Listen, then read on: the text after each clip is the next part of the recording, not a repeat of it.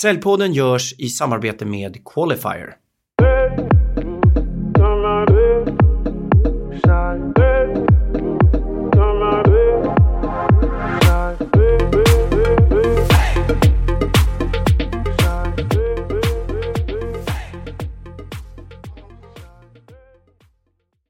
Hej och välkommen till Säljpodden. En podd för oss som gör affärer där vi intervjuar experter inom försäljning som delar med sig av sin kunskap för att sprida kunskap just om modern försäljning. Den här podden ges numera ut av Säljarnas Riksförbund. Och jag säger numera för att tidigare gavs den ut av Mattias Hillerstrand som faktiskt sitter mitt emot mig här just nu. För att i ett överlämningsavsnitt berätta lite grann om hur det var att spela in podd i åtta år. Varför han valde att göra det och varför han valde just att lämna över poddandet till Säljarnas Riksförbund. Jag heter Ken Skog och kommer numera från och med idag vara programledare för den här podden och under våren kommer vi ha en mängd spännande gäster. Men välkommen Mattias Hillerstrand. Tack så jättemycket. Det känns som sagt lite konstigt att vara på den här sidan mikrofonen. Du kan vara på andra sidan, det har ju varit tidigare i normala fall. Mm, du har ju faktiskt intervjuat mig för ett och ett halvt år sedan. Det var då jag fick upp ögonen för dig. Just det. Och sen dess har jag lyssnat på i stort sett alla avsnitt du har gjort. Okej. Okay. Mm. Men du, kan vi inte hoppa in direkt på det här med poddandet? Hur kommer det sig överhuvudtaget att du valde att starta en podd? För nära åtta år sedan, stämmer det? Ja, precis. Det var 2012. Det var ju då var det inte så vanligt med podd som det kanske är nu. Det fanns väl eh, några hundra så, men eh, nu finns det väl några hundratusen kanske. och eh, från början så hade jag ju podden ihop med en kille som heter Christer Maxe som sysslar mycket med copywriting och direktmarknadsföring. Och då ville jag att vi skulle liksom prata om marknadsföring ibland och försäljning ibland så att vi liksom kommer våra expertkunskaper liksom inom respektive område. Och lite grann också var det ju för att vi hade ju liksom böcker och utbildningar och sånt som vi, som vi jobbar med. Men sen ganska snart så blir det att men vi kan ju bara vad vi kan eller vet bara vad vi vet. Så att det var mycket mer intressant att höra liksom andras syn på försäljning också än bara min och Christers. Så eh, min tanke var ganska snart liksom hitta någonting som, som gör att man kan sprida kunskap om det här i, eh, till fler. Mm. Det här med kunskap, jag hörde någonstans att det var din fru som uppmuntrade dig att förkovra dig inom försäljningen. Stämmer det? Ja, ja precis. Det var så här att eh, jag höll på att gå konkurs första året som eh, när jag startade eget efter första året. Och eh, när man höll på då och försökte ringa runt och se om man kunde få lite nya uppdrag och sådär som konsult som jag var då. Så eh, gick det sådär. Och då sa min fru till mig att men vadå, det kan inte vara så svårt för dig som är säljare, du bara ringa runt och, och sälja in dig själv, din egen, din egen kunskap liksom och vad du kan göra. Och jag sa att, ja men vadå, jag är väl ingen, jag är ingen säljare, jag är ju liksom en produktspecialist, jag berättar bara liksom information. så det, jag såg mig inte själv som en säljare. Och då sa jag väl det till henne ungefär så som jag sa nu och då sa hon att, eh, ja men du måste lyssna på vad jag säger nu. Du måste se dig själv som säljare. För du, annars kommer du aldrig kunna bli bra på ditt jobb. Men jag är sjukgymnast som hon var, det är, eller fysioterapeut som det heter nu. Och jag har ju gått tre år i skolan. Jag läser liksom studier, rapporter, vetenskapliga artiklar, går på utbildningar varje år bara för att bli bättre på mitt jobb. Och det borde du också göra. Men en bartender har mer utbildning än vad du har tyckte hon. och så kanske det var, men det blev också ett wake-up call för mig. Att ja, men jag kan faktiskt inte så jättemycket om försäljning. Så eh, jag gick rakt ner i källaren och började googla på, på försäljning på YouTube och på nätet och köpte böcker och ja, sen dess. Så lärande har varit en väldigt viktig del. Var det lite pinsamt till och med när din fru sa det här till dig? Eller? Ja, det är klart att det var det. Men samtidigt som du vet så gör man ju som sin fru säger när, man, när hon står med liksom händerna i sidan sådär och säger åt vad man ska göra, då gör man ju så. Men samtidigt så var det ju, jag är tacksam för det för att det var ju liksom ett wake-up call för mig att ja, hon har ju helt rätt i det. Men här går jag och liksom tror att jag kan jobba med försäljning och knappt någon utbildning alls. Liksom. Det, det, är klart jag måste lära mig. Det här är ju ett slags överlämningsavsnitt där du faktiskt ska få en chans att berätta lite om lärokurvan också inom försäljning. Din fru mm. fick dig att starta det här, att faktiskt ta dig framåt, utvecklas kunskapsmässigt inom försäljning. Om jag frågar din fru idag, upplever hon att du har lärt dig någonting inom försäljning de här åtta åren? Tack jag vare poddandet.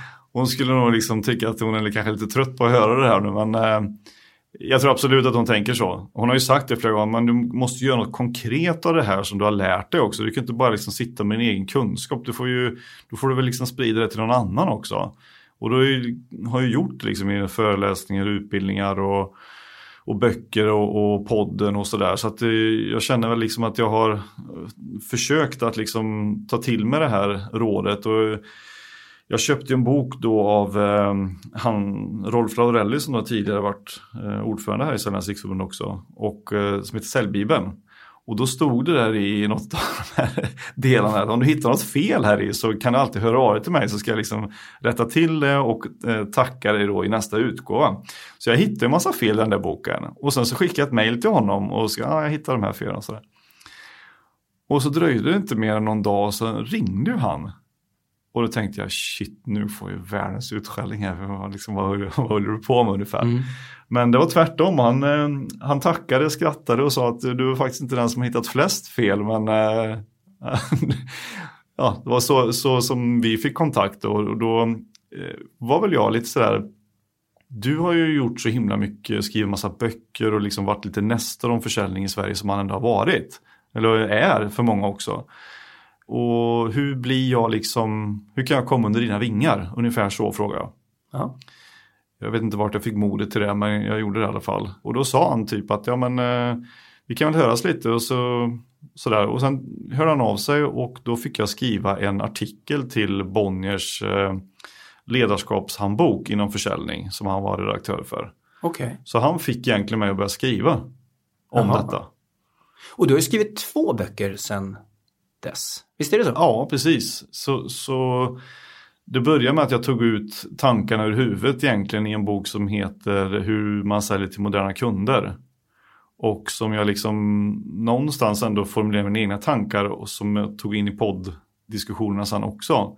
Om hur det har varit förr och hur det kan vara nu. Mm. Och vart vi kanske borde gå åt. Och sen den andra boken heter ju Avslutsbibeln då eftersom ja, det är också ett kapitel i sig, men jag kunde ju inte sälja när jag blev egenföretagare. Och det är därför som Hanna sa till mig också, du måste ju lära dig det här, för men det höll på att gå konkurs liksom. Jag kunde Mm. inte komma till avslut. Nej. Och då var ju en stor del i det, för jag hade aldrig fått lära mig det. Så jag hade varit anställd i nio år innan. Men jag hade aldrig fått lära mig att komma till avslut på ett vettigt sätt. Så hur gör man? Hur frågar man om affären? Mm. Så då tog jag tag i det och eh, började egentligen fyra års efterforskningar i vad är avslut egentligen? Hur kan det komma in i modern försäljning och, och hur låter det? Så plockade jag ner det efter, efterhand och testade dem i, i det. Och sen började jag liksom starta en, hemsida och en blogg och, och skrev ner det och så vart det en bok. Och lite utbildningar och YouTube-filmer och sånt där om det. Den här första boken, Hur du säljer till moderna kunder, Mm. den kom 2013. Ja, vad skulle du säga har förändrats inom försäljning sedan du skrev den här boken? Om jag skulle öppna den här boken och läsa den, vad skulle jag idag känna var den främsta skillnaden kring hur man ska bete sig idag kontra hur du beskrev det då? Jag tror att mycket av det som står i den boken är väl sant fortfarande givetvis. För jag menar det här synsättet som har varit om vad är traditionell försäljning så som vi gjorde liksom på 70 och 80-talet. Den typ av säljmetodiken börjar ju att försvinna mer eller mindre. Det är mycket mer eh, kundfokuserade eh, utbildningar som, som säljutbildare håller nu för tiden. De allra flesta ska jag säga, men Mm. några är kvar. Men i alla fall. Och det är väl ungefär vad den boken tar upp också. att Man måste se på det på ett helt annorlunda sätt. Att liksom sätta kunden mycket, mycket mer i fokus. Men hur gör man det då? Mm. Hur gör företag som jobbar med kunderna först jämfört med traditionella företag? Mm. Eh, och tittar man på om man säger, högerspalten och moderna, då, då är det väl ungefär så som jag eh, hoppas att trenden går till för moderna företag och säljare. Mm. Men med din, du pluggade på Örebro Universitet, Universitet. ja. ja. Jag pluggade till idrottslärare då. Ja, just det. Och, och din dialekt är någon blandning av östgötska och Ja, den är västgötska. västgötska. Okej. Eh, om man ändå tittar på det här ordet, hur gör man då? då? Nu försöker jag imitera dig lite grann här. Ja, hur gör man? Om Ja. du skulle ge de främsta råden, hur säljer man till moderna kunder men 2020 som vi är nu? Mycket av det handlar om att ha ett, ett annat mindset än vad man har haft tidigare. Och det är väl det här som kanske har varit den största utmaningen för många säljare också, som jag har pratat med under de här åren som jag har poddat. Att hur ska man liksom tänka då jämfört med mitt företag säger att ja, men de ger mig en powerpoint här och de, det är en kampanj vi ska köra och, och vi måste ju liksom berätta vad vi gör och att vi liksom ska, vad vi kan erbjuda våra kunder och sådär. Och jag säger att ja, det kan man absolut. Man, det är klart du ska veta vad du jobbar med och vad du, vad du säljer, vad det är för produkter i ditt bolag och allting. Men du måste ju också förflytta hela din informationsgrej till kunden, inte till mig. Och det är liksom, eller från mig. Och det är den största enskilda skillnaden som jag själv har gjort i min egen sälj. Det är att inte vara avsändarfokuserad utan vara liksom mottagarfokuserad. Mm. Och det här har liksom kokat ner till ett begrepp som jag kallar för utifrån in-perspektiv. Okej, utveckla. Nej men att, att prata på ett kundfokuserat sätt, det kräver ju lite eftertanke. I normalfall så är det ju, hej jag heter, jag kommer från, jag jobbar med, idag ska jag prata om detta, jag hoppas att du efter det här mötet ska vilja göra det som jag säger att det här ska bla bla bla. Och det här är våra produkter, vi har hållit på så här länge och så vidare. Det är ju bara liksom jag, mitt företag, mig, jag, mitt och vårt. Istället för liksom hur ser du på det här? Hur är din situation? Vad kan du göra? Vad, vad är anledningen till att du vill att vi ska höras idag? Vad är det du behöver? Hela den delen är ju en diskussion utifrån dig Mm. och inte utifrån mig. Vad har krävts av dig för att göra den här resan till att bli mycket mer utifrån och in orienterad? Att titta över liksom sitt sätt att kommunicera rent generellt. Mm. Men kan, tänk dig själv att du, ser, att är på krogen. Och om Ja. du bara träffar någon som pratar och pratar och pratar om hur förträfflig den personen är och varför du ska bli tillsammans med den personen. Mm. Så är det så här, mm, jag vet inte, det kanske finns någon annan som är lite mer intressant. Men om den personen istället börjar ställa dig massa frågor och undrar vem du är och att intressera dig på riktigt. Då kommer du fortsätta vilja prata med den personen. Mm. Och lite grann är det ju samma sak inom försäljning. Vi, vi behöver inte komplicera det här så mycket. att Vi försöker, eller har försökt traditionellt sett, att skapa en egen liten värld i försäljning. Där liksom vi ska prata på ett speciellt sätt, vi ska använda metoder på ett speciellt sätt som vi aldrig annars gör utanför säljsättet. Och det är därför jag menar att man behöver liksom prata med varandra så som man normalt pratar med varandra i andra sammanhang. Mm. Men när vi sitter och käkar lunch så sitter inte jag så här och ställer det, eller börjar prata om hur förträfflig jag är hela tiden och hur, vad duktig jag är och vad jag kan. Jag frågar vad tänker du om det här? Vi får ju en dialog hela tiden.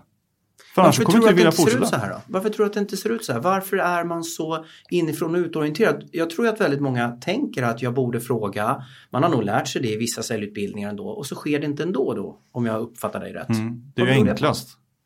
På vilket mycket, sätt? Ja, men det är mycket enklare för mig att berätta och prata själv än att ställa välformulerade frågor eller läsa på om de du ska prata till eller med.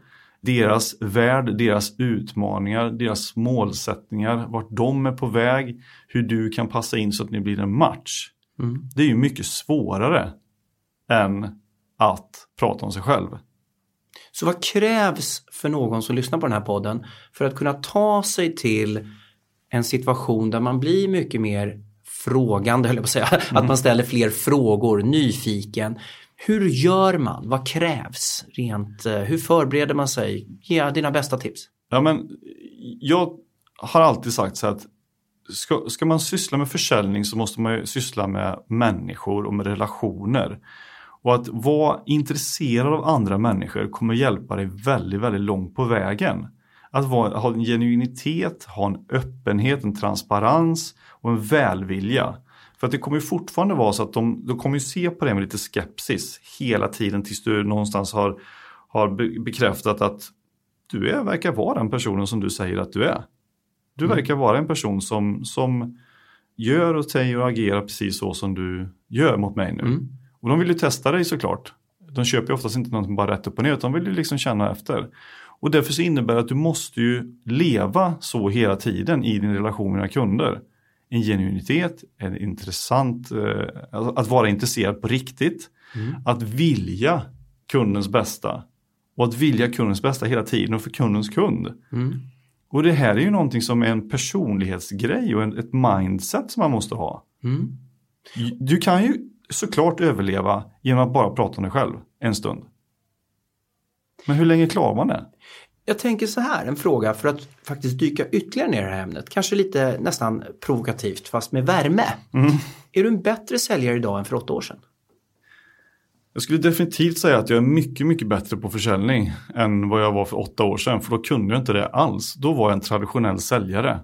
Är du och... mer ärlig och genuin idag än för åtta år sedan? Eftersom det fanns en stark koppling där. Det skulle jag nog säga att eh, jag är definitivt. Därför att då så gick jag ju liksom bolagets ärende. Mm. Och vad de sa åt mig att jag skulle säga när jag var ute hos kund. Men i takt med att jag märkte att men så där kan jag inte göra, så det där gillar de inte när man säger så där, så måste man ändra sig till att vara, ja men hur kan jag hjälpa dig på bästa sätt?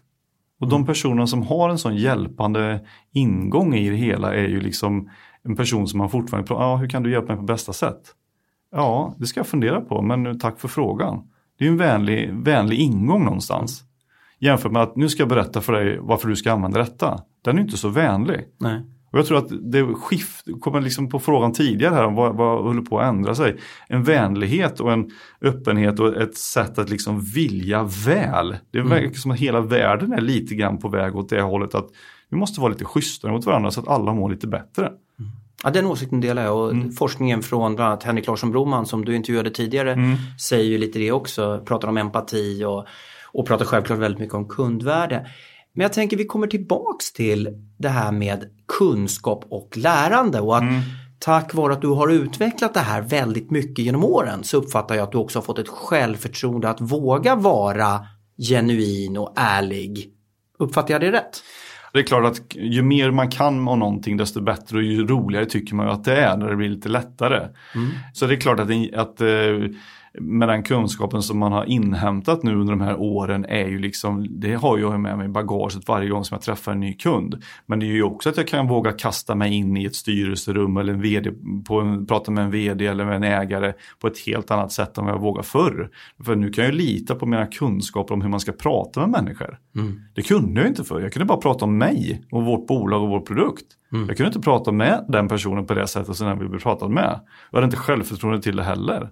Så det är klart att med kompetens kommer ju till viss del ett mod också, ett intresse att våga göra mer och man, kan, man har sitt bagage och man kan sväva ut lite och man är ganska trygg i det. Alltså jag kan hoppa in i en ny roll i ett produktområde som jag inte, jag kan ju inte. Nej. Egentligen det här terapiområdet. Men jag kan lika gärna, jag kan, bara, jag kan åka ut till kunder och prata med dem. Mm. För jag litar på mitt sätt att jobba med människor i min kommunikation. Mm. Så jag vågar det, trots att jag inte kan detaljkunskap. Men jag kommer alltid komma därifrån med ett positivt, liksom, dels ett positivt bemötande, med en positiv dialog och att de vill fortsätta träffa mig. Mm. Och det är klart att det, det, kanske har att göra med att man väljer att jobba med saker som man står för också. Så var det inte kanske tidigare, utan då fick du liksom en produkt, den här ska du sälja och så bara, fast det här är ingen bra produkt ens. Jag vet inte vad jag ska hitta för argument, för det finns många som är mycket, mycket bättre än mig. Men de vill att jag ska sälja den här, men den tillför inget värde. De andra produkterna är mycket bättre. Ah, nu måste jag hitta argument för detta nu och så, så sätts man i säljskola för det där. Mm. Men istället för att ändra så att det blir en bättre produkt. Mm.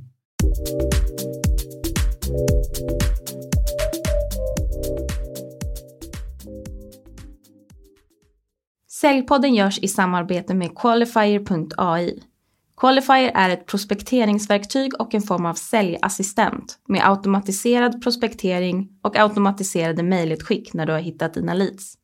Så hur går det till? Jo, man väljer sin målgrupp, godkänner de AI-genererade prospekten, finjusterar lite genom att skriva e-mailmallar som prospektsteamet på Qualifier hjälper till med. Och sen när ni är färdiga så får ni en hel del leads till er inbox och automatiserade uppföljningsmail. Så om du är intresserad av att förenkla ditt säljverktyg, din säljprocess och ditt sätt att jobba med försäljning, gå in på qualifier.ai och klicka på boka en demo. Jag tänker att försäljning handlar mycket om mindset, det är metod, det är process och olika säljtekniker av olika slag. Mm. Och väldigt ofta utbildar vi ju i säljtekniker. Mm. Men om du skulle välja eller om du skulle rekommendera en eller två fokusområden för en säljare att utvecklas inom. Mm. Vad skulle du välja då?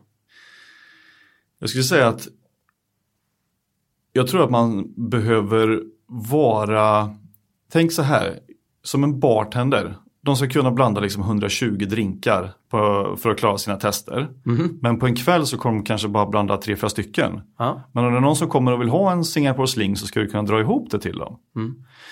Och samma sak är det lite grann inom försäljning. Du ska kunna, vad är egentligen de här olika stegen i traditionell försäljning? Vad är de olika stegen i konstellativ försäljning? Vad är spin? Vad är insight selling och challenger sales och social selling. Vad är det för någonting? Hur mm. bedriver man den typen av försäljning? För det ingår ju liksom i baskunskapen av att vara säljare. Mm.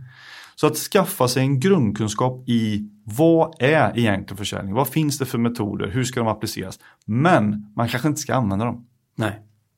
Det är en av de, liksom några av de här, de 119 drinkarna som inte blandas. Exakt, men du ska mm. ändå veta det. För att ju mer du vet, desto tryggare blir du. Och desto lättare kommer du att kunna hantera dina kunder.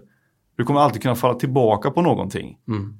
Men sen är det oftast inte tekniken i sig som är det viktigaste, utan det är sättet du pratar med den andra personen på som är det viktiga. Hur de mm. uppfattar det du säger. Hamnar ni direkt polemik och står där och hugger, då spelar det ingen roll hur bra teknik du har. Nej. Nej, det är klart att det kan ju finnas någon, någon förmåga att kommunicera och ställa frågor som gör att du inte landar i polemik.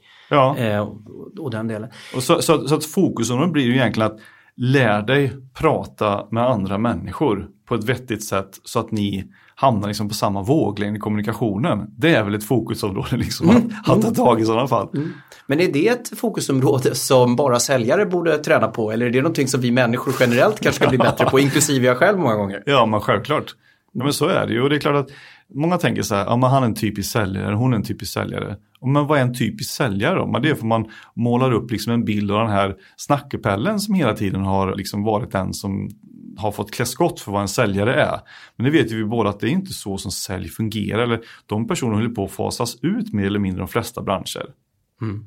Utan det handlar ju om att prata på ett vettigt sätt. Jag menar, om du har ett intresse av, inte vet jag, vin säger vi. Mm. Och så ska jag be dig att berätta någonting om eh, en typ av vin som du gillar. Då skulle du gå igång på fem sekunder och kunna varenda argument för det här vinet, varför man ska köpa det och hur bra det är och förträffligt det är och titta med kullarna och det står så. Men är du en säljare då? Nej, det är jag inte. Jag bör ju rimligtvis ta reda på vad du är intresserad av.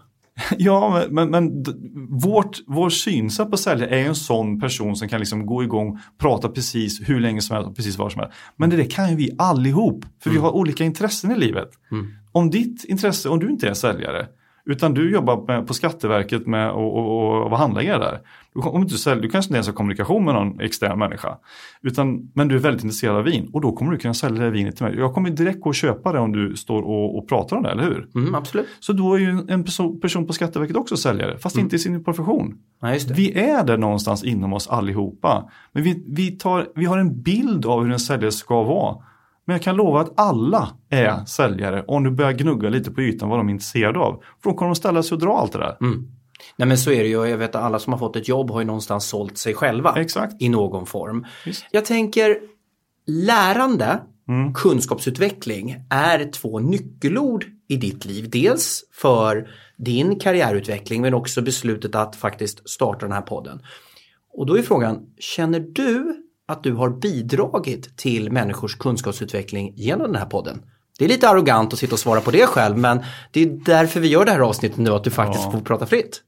Jo, men det är klart att eh, det hoppas jag ju för det första och det har varit liksom målsättningen hela tiden att sprida kunskap om modern försäljning. Ända sedan vi, vi började med att, eh, framförallt med intervjuerna, så, lite innan också såklart när vi pratade om dem, men att sprida så att fler människor får en förståelse för vad är egentligen modern försäljning jämfört med traditionell försäljning. Vart går vi åt? Vart ska vi sträva åt? För att kunna hjälpa andra människor att bli bättre på sina jobb. Mm. Och då har man ju alltid en lärodel i detta. Man måste ta in ny kunskap för att kunna göra en förändring. Mm. Du kan inte ändra någonting för att alltså, ringer du 100 samtal och fortsätter ringa 100 samtal varje dag och får dina två, tre sälj. Ja, det kommer inte bli någon skillnad från eh, om fyra dagar eller om fyra veckor, fyra månader. Om du inte ändrar någonting i ditt sätt att prata med personen du ringer för att få upp effektiviteten. Mm. Så lärande och ändrat beteende och det där tänker jag lite grann är någonting som kännetecknar dig. Det, du kanske inte är unik där men det är fortfarande imponerande att din fru säger till dig, eller ni kanske har en diskussion, hon kanske lyssnade även på dig, hon kanske inte bara pratade till dig. Eh, utveckla inom säljet, då väljer du att eh, läsa böcker, kommentera böcker, kontakta Rolf. Du väljer att starta en podd. Du väljer kunskapsutvecklingsspåret, att faktiskt göra det du tycker är viktigt. Mm. Kan du reflektera kring Eh, borde fler göra det? Är det någonting som saknas i, liksom i DNA hos många organisationer idag vad gäller att utveckla sina säljare? Det var en lite ledande fråga men du förstår vart... Ja, men alltså jag tror att det nog säkert finns i DNA att man vill sin personal väl. Mm. Och att man vill att säljarna ska vara väl förberedda och väl utbildade och sådär. Men det ligger väldigt mycket på ett eget ansvar att bli bra på någonting. Du kan alltid åka till jobbet och göra dina timmar. Mm. Jag är lite så här motståndare till det här att ja, men jag har 20 års erfarenhet av det här. Ja, du har gjort det i 20 år men det är ingen som sagt att du gjort det bra. Nej. Du har erfarenhet av det, men vad är erfarenhet och vad är att du är expert eller bra på någonting? Mm. Du kan ju ha gjort någonting jättedåligt och det är samma sak med att inte då som företag utveckla sina säljare. Det innebär ju per definition att de någonstans kommer sacka efter jämfört med konkurrenterna som håller på att mm. utveckla sina säljare. Och man måste ju vara lite om sig och kring sig när man har ett företag och när man jobbar med försäljning för det sker ju förändringar både tekniska och, och eh, liksom, ja, industriella eller branschspecifika förändringar hela tiden så man måste ju hänga med. Mm. Men finns det inget intresse av att göra sitt jobb lite bättre varje dag då, då, då fattar jag inte riktigt. Eh, jag är inte sån själv. Jag vill Nej. hela tiden bli lite bättre. Mm. Jag är inte riktigt nöjd förrän det blir lite bättre.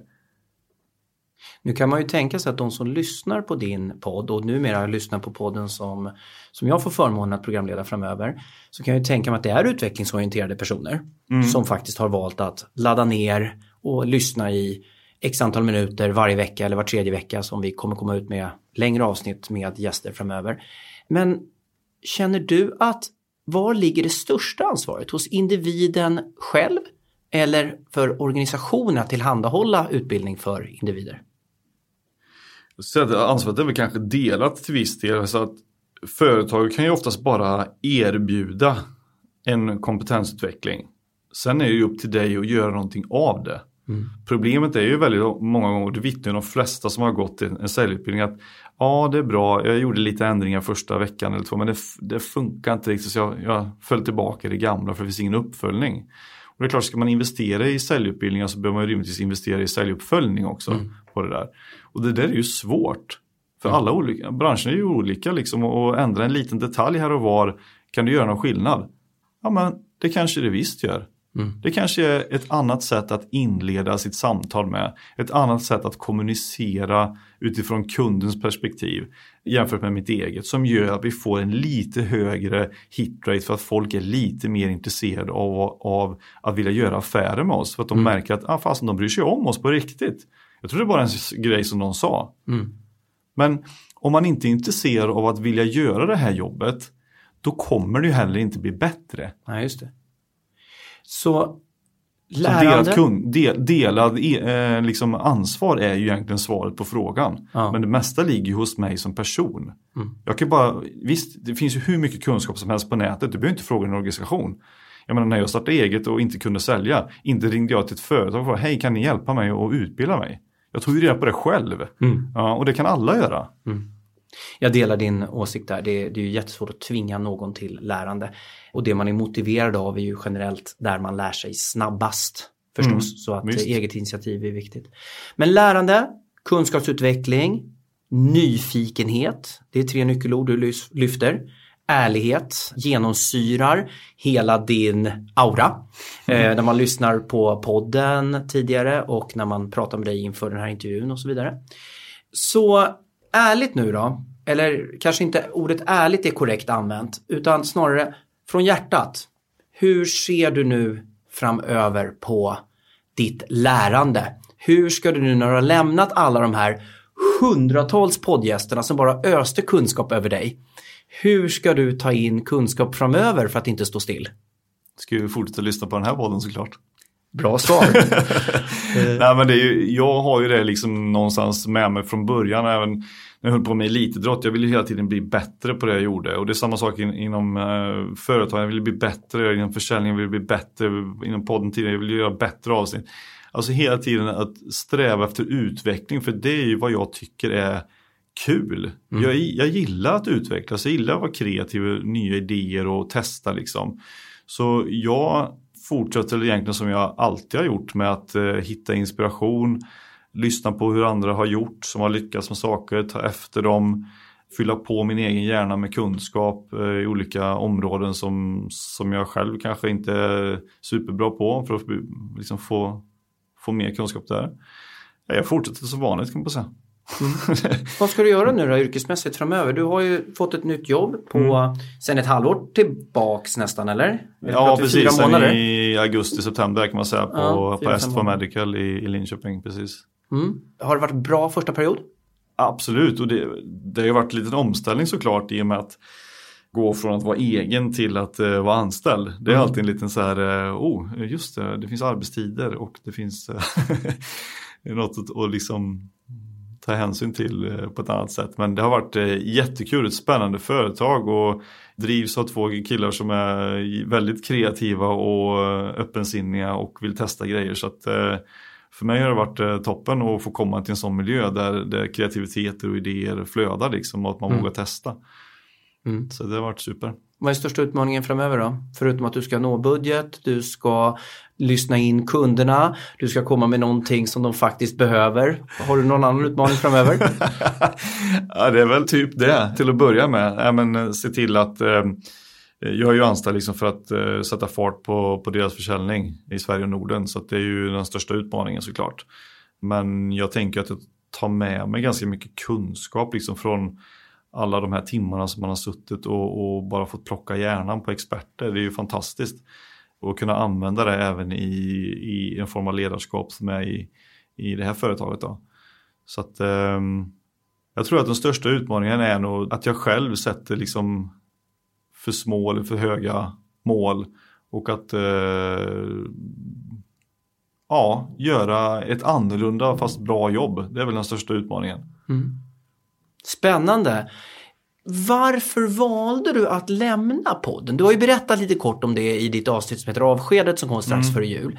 Men kan du inte ändå bara kort berätta, hann du inte göra både och eller hur gick tankarna? Och varför valde du säljarnas som eh, liksom, företag som du skulle lämna över det här till? Ja, jag ska säga så här.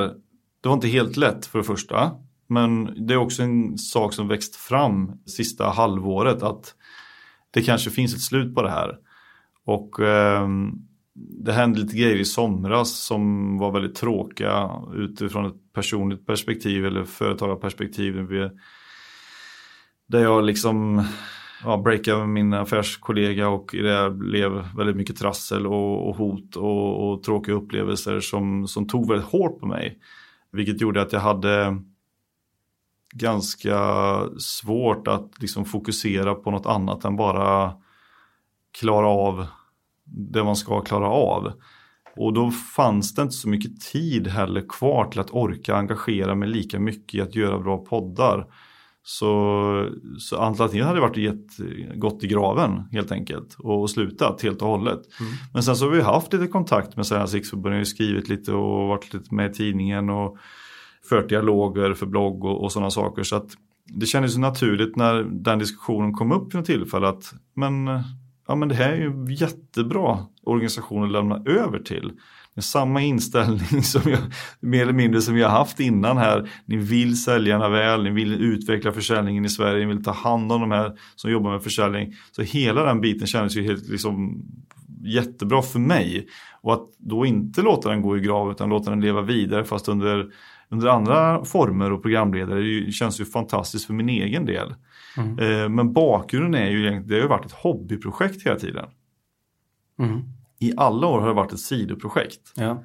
Som inte har varit liksom min huvudsyssla någon gång. Det har ju varit eh, hundraprocentiga uppdrag som jag har fått göra här vid sidan om.